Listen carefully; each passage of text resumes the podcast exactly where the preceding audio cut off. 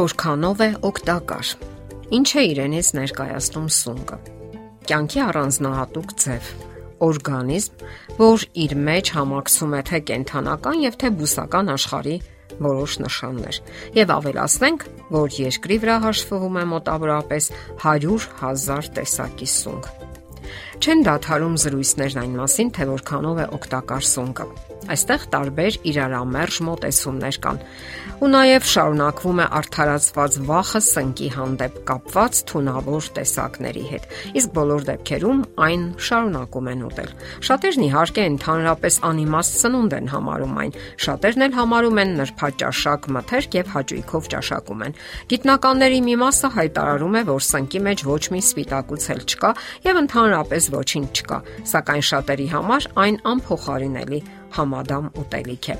Հիմնախնդիրն այն է, որ գոյություն ունեն սնկի բազմաթիվ տարատեսակներ եւ հարկավոր է հաշվի առնել այդ տարբերությունները։ Գյուղատնտեսական բնագավառի գիտնականները ուսումնասիրություններից հետո հայտարարեցին, որ որոշ տեսակի սնկեր իրենց սննդային արժեքով կարող են մրցակցել շատ թարմ բանջարեղենների եւ մրգերի հետ։ Հետաքրքիր է, որ օրինակ 5 Եգիպտոսում սունկ ուտելը միայն փարավոնների մենաշնորհն էր։ Նրանք մտածում էին, որ սունկը չափազանց համեղ սնունդ է, որpիսի հասարակ մահկանացուներին թույլատրեին ուտել այն։ Եգիպտացիները չէին հասկանում սնկերի արագաճելու գաղտնիքը եւ դա համարում էին կախարդական ուժերի գաղտնիք կամ էլ նույնիսկ քմահաճույք։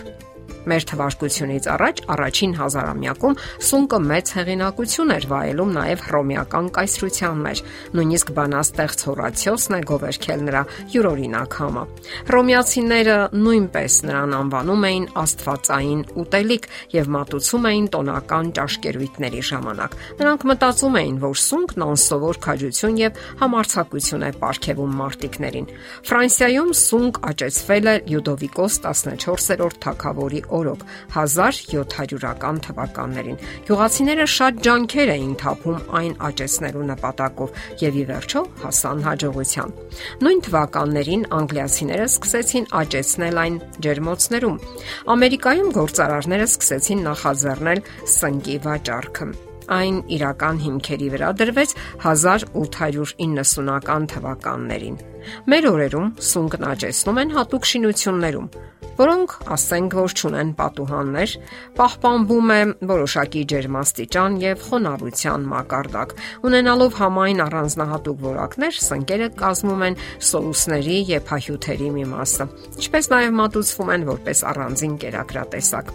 Ասենք որ կանաչ բույսերը սնունդ ստանում են տերևների օգնությամբ, կլանելով օդը, ջուրը, արևի լույսը եւ հանքային նյութերը։ Իսկահասունկը այդ բոլորը չի կարող անել։ Պատճառն այն է, որ նա ազուրկ է տերև տերևներից եւ ստիպված է օգտվել հարևան կանաչ բույսերի ծառայությունից, որոնք պատրաստում են նրա սնունդը։ Սնկերը հայտնվում են սպորներից, աճելով հովանոցի նման։ Վայրի սնկերի մեծ մասը թունավոր չէ եւ այնուամենայնիվ, եթե համոզված չեք, որ այն ուտելի է եւ պիտանի, ուրեմն ավելի լավ է հրաժարվեք։ Իսկ ինչ մնում է վտանգավորությանը, այսպես ասած թունավոր լինելուն, ապա դժվար է դա որոշել համով։ Որոշ ոչ այնքան համեղ սնկեր միանգամայն անվտանգ են, իսկ որոշ համեղ սնկեր ընդհակառակը թունավոր են։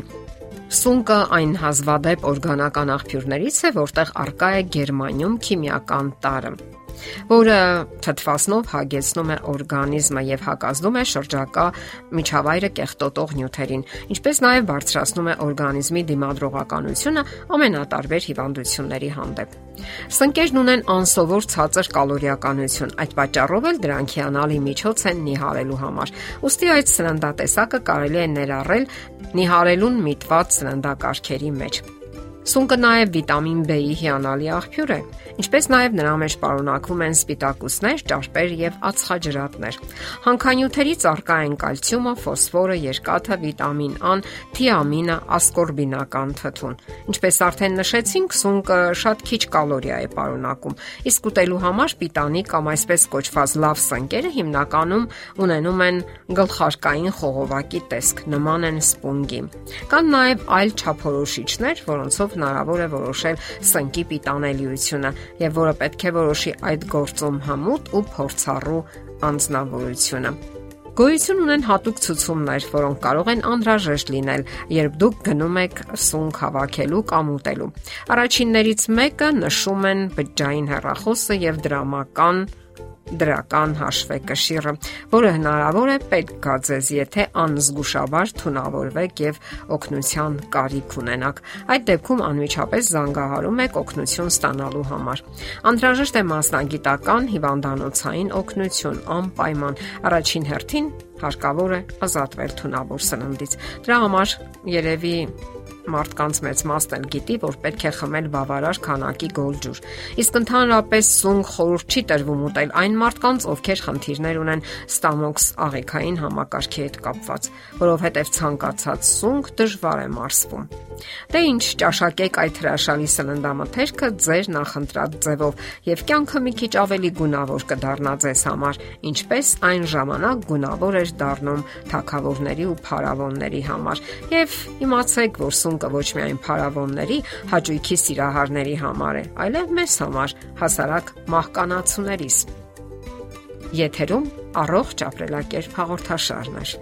Հարցերի եւ առաջարկությունների համար զանգահարել 033 87 87 87 հեռախոսահամարով։